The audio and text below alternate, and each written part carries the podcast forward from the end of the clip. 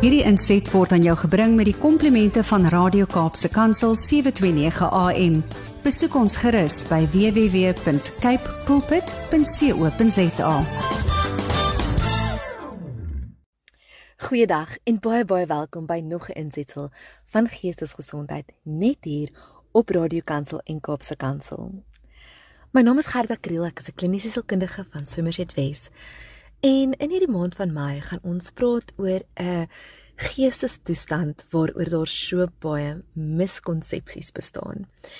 En tog is dit 'n geestestoestand wat in Suid-Afrika as gevolg van al die baie substansgebruik wat ons ervaar, meer en meer begin kop uitsteek en waarom baie meer mense eintlik ly as wat ons noodwendig besef.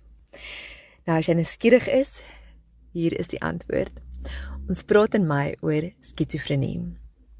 Nou as jy 'n geliefde het wat aan skizofrenie ly of as jy iemand ken wat daaraan ly, hoop ek regtig dat hierdie maand jou gaan bemagtig om hulle beter te verstaan en ook om sekere van die vooropgestelde idees of van die ek wil sê die die um populêre media se maniere van skizofrenie beskryf regtig bietjie uit te trek en en en te ondersoek en net bietjie te, te vergelyk met die kennis, met die waarheid van wat hierdie kondisie werklik is en wat dit nou ook nie is nie, sodat ons optimaal ondersteuning kan bied vir mense wat aan hierdie ongelooflike hartverskeurende siekte ly.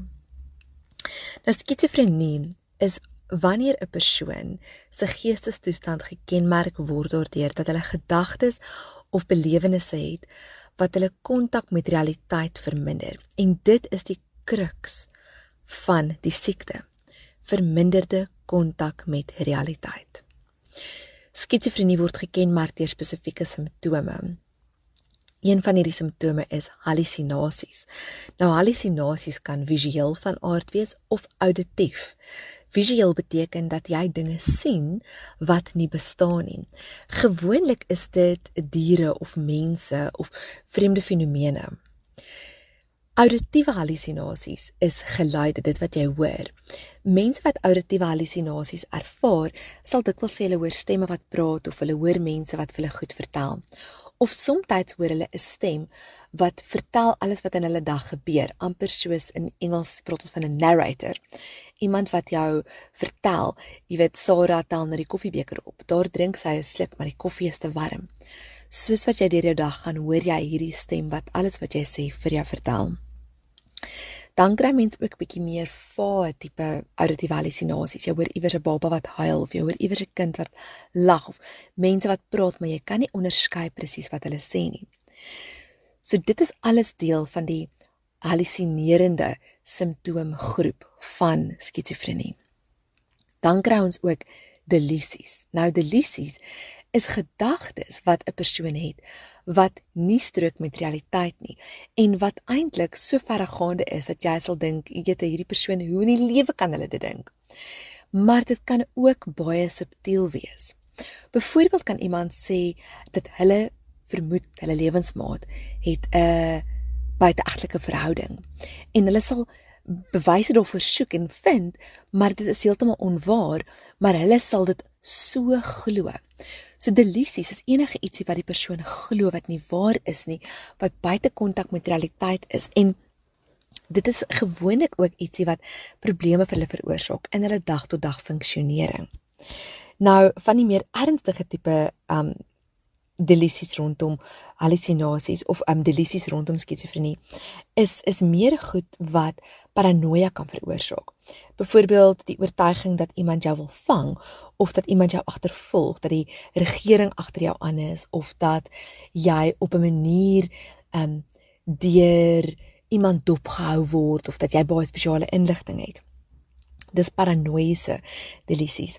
En dan kry jy ook grandieuse delusies, delusies dat jy dinge kan doen beter as enigiemand anders. Byvoorbeeld jy glo dat jy 'n spesifieke vaardigheid het om mense se gedagtes te lees of om uh, baie geld te maak of dat jy die wennommers ken vir die lotery en dan speel jy al jou geld uit en natuurlik as jy nou nie wen nie, sal dit nou uitkom dat jy nie in realiteit geanker was nie. Gedisorganiseerde gedagtes is ook een van die simptome van um skizofrenie. En dit is wanneer iemand se gedagtes vreeslik rondspring, nie heeltemal sin maak nie. Um hulle sal dinge sê wat hulle lyk like asof hulle sin praat, maar wanneer jy luister na die inhoud daarvan, kom jy agter dat hulle gedagtes baie gedisorganiseerd is. Dan is daar natuurlik um gedisorganiseerde of abnormale fisiologiese motoriese bewegings. So iemand sal byvoorbeeld hulle herhaaldelik hulle um arms op 'n vreemde manier posisioneer of vorm. Nou baie jare gelede was een van die tipe skizofrenie wat baie algemeen was, was katatoniese skizofrenie. En interessant genoeg het studies bewys dat skizofrenie oor die jare verander het. Nou katatoniese skizofrenie is waar mense heeltemal ophou praat het en hulle dikwels hulle liggame postuur en daardie postuur vir dae of weke aan een gehou. Um dink nou maar aan die films wat jy dink as jy dink oor eh, geestesgesondheidshospitale waar daardie persoon met hulle arm in 'n vreemde posisie sit elke keer as jy hulle sien in in daardie posisie. Nou dit is 'n ehm um, ietsie wat wat baie meer voorgekom het ehm um, vroeg in die 1900s, maar soos wat eh, die wêreld verander het, is dit interessant om te merk dat hoe skizofrenie presenteer ook verander het. En ons dink dit het te doen daarmee dat die ehm um, trauma waaraan mense blootgestel is verander het deur die jare. Goed. Dan is daar verdere simptome van skizofrenie en een is 'n baie gedisorganiseerde gedrag. Met ander woorde, mense doen dinge wat glad nie sin maak nie. Um jy weet, staan op, sit ietsie neer, staan op, tel dit, skuif die stoole, skuif die meubels, trek die gordyne toe, maak die gordyne oop. Um 'n gedrag wat nie 'n rigting het nie, gedrag wat heeltemal gedisorganiseerd is. En dan is er ook 'n um iets wat ons noem negatiewe simptome. Nou negatiewe simptome is nie iets wat negatief is nie. Negatief verwys eintlik dat daar is 'n tekort aan die simptoom. Met ander woorde, dit is daar is 'n uh, hulle praat nie, hulle wys nie emosies nie. Hulle staar net, hulle hou op met beweeg. En dit is alles negatiewe simptome. Nou, daar is sekere miskonsepsies rondom skizofrenie wat ek graag vandag net wil uitlig en en wil opklaar. Navorsing het vir ons oor en oor gewys dat daar is 'n duidelike verband in skizofrenie met eh, die dopamien wat in die brein vrygestel is. En ons weet dat medikasie wat ook gefokus op om daardie dopamienbane te reguleer, dikwels verligting van simptome bring, maar die gebruik daarvan moet langtermyn wees en kan nie korttermyn wees nie. Daar is egter wanpersepsies wat daarbuiten bestaan dat skizofrenie 'n uh, 'n 'n meer geestelike komponent is en alhoewel daar definitief 'n geestelike uh, toestande is wat skizofrenie kan mimiek, is skizofrenie 'n diskrete siekte op sy eie wat nie 'n geestelike komponent noodwendig het nie. Um dit is nie vreemd vir mense wat skizofrenie het om 'n geestelike komponent aan hulle delusies te hê nie, maar dit is nie te sê dat dit is 'n geestelike oorsprong nie. En dis baie belangrik want baie mense wat ek al oor uh, my pad sien kom met wat skizofrenie het, wat lanktermyn daarmee moet saamleef en reg met die impak van hierdie siekte in hulle lewens moet worstel het deur, deur goedbedoelde familielede soms vir 'n geestelike intervensie gegaan wat soms meer skade as kwaad as goed gedoen het wat regtig ook 'n letsel van trauma in mense se lewens laat. Jy weet dan as ons kyk oor wat wat is die Here se woord oor hierdie en, en wat sê die woord vir ons hieroor is as ons hierdie mense kan sien as uitgeworpenes is ons impak is ons rol as gelowiges eintlik juist om hulle te ondersteun langs hulle toe kom en hulle lief te hê en seker te maak hulle kry die regte behandeling op 'n manier wat hulle waardigheid soveel as moontlik ter ere herstel. Nou daar is ook 'n wanpersepsie dat mense met skizofrenie baie gevaarlik is. Dit is regtig nie so nie. Sommige mense met skizofrenie kan gevaarlik wees, maar dit is regtig in die minderheid. En ek wil tog hê dat as jy iemand ken wat aan skizofrenie ly, dat jy sal besef dat daar 'n persoon is wat aan hierdie siekte ly wat nie gekies het om dit te hê nie. Reg. En en daarom moet ons respons altyd een wees van omgee en van liefde. Nou, ek kan nog soveel meer sê oor hierdie en ons gaan definitief oor die volgende maand dit uitpak. Jy weet en ek weer eens wanneer ons aan die einde van die maand gaan bymekaar kom en praat oor um die siekte aanlyn en in in die Zoom, wil ek tog vir julle vra stuur vir ons julle vrae. Dit is so lekker om om by julle te hoor. Jy weet en waar dit moontlik is om te antwoord sal ons. Ek wil ook sê dat dit belangrik is om te noem dat baie van die dinge wat ons in sielkunde en psigiatrie hanteer en behandel en mense mee help is is dinge wat ons nog self mee worstel en self probeer sin van maak En daar is nie vir alles definitiewe antwoorde nie.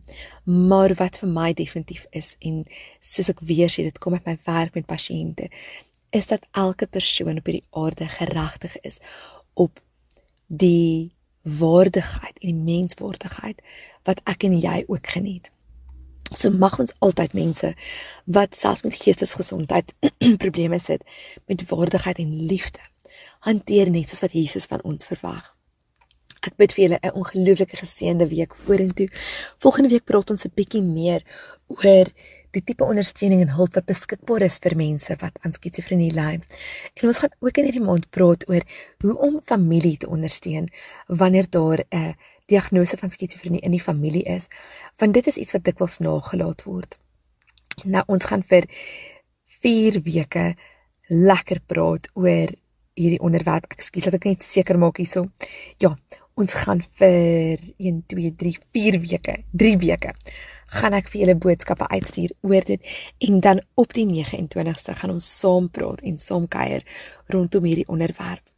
Mag julle 'n ongelooflike kosbare week hê en mag julle weet dat geen geestesgesondheidsuitdaging te groot is vir ons om in die Here se naam te oorkom nie.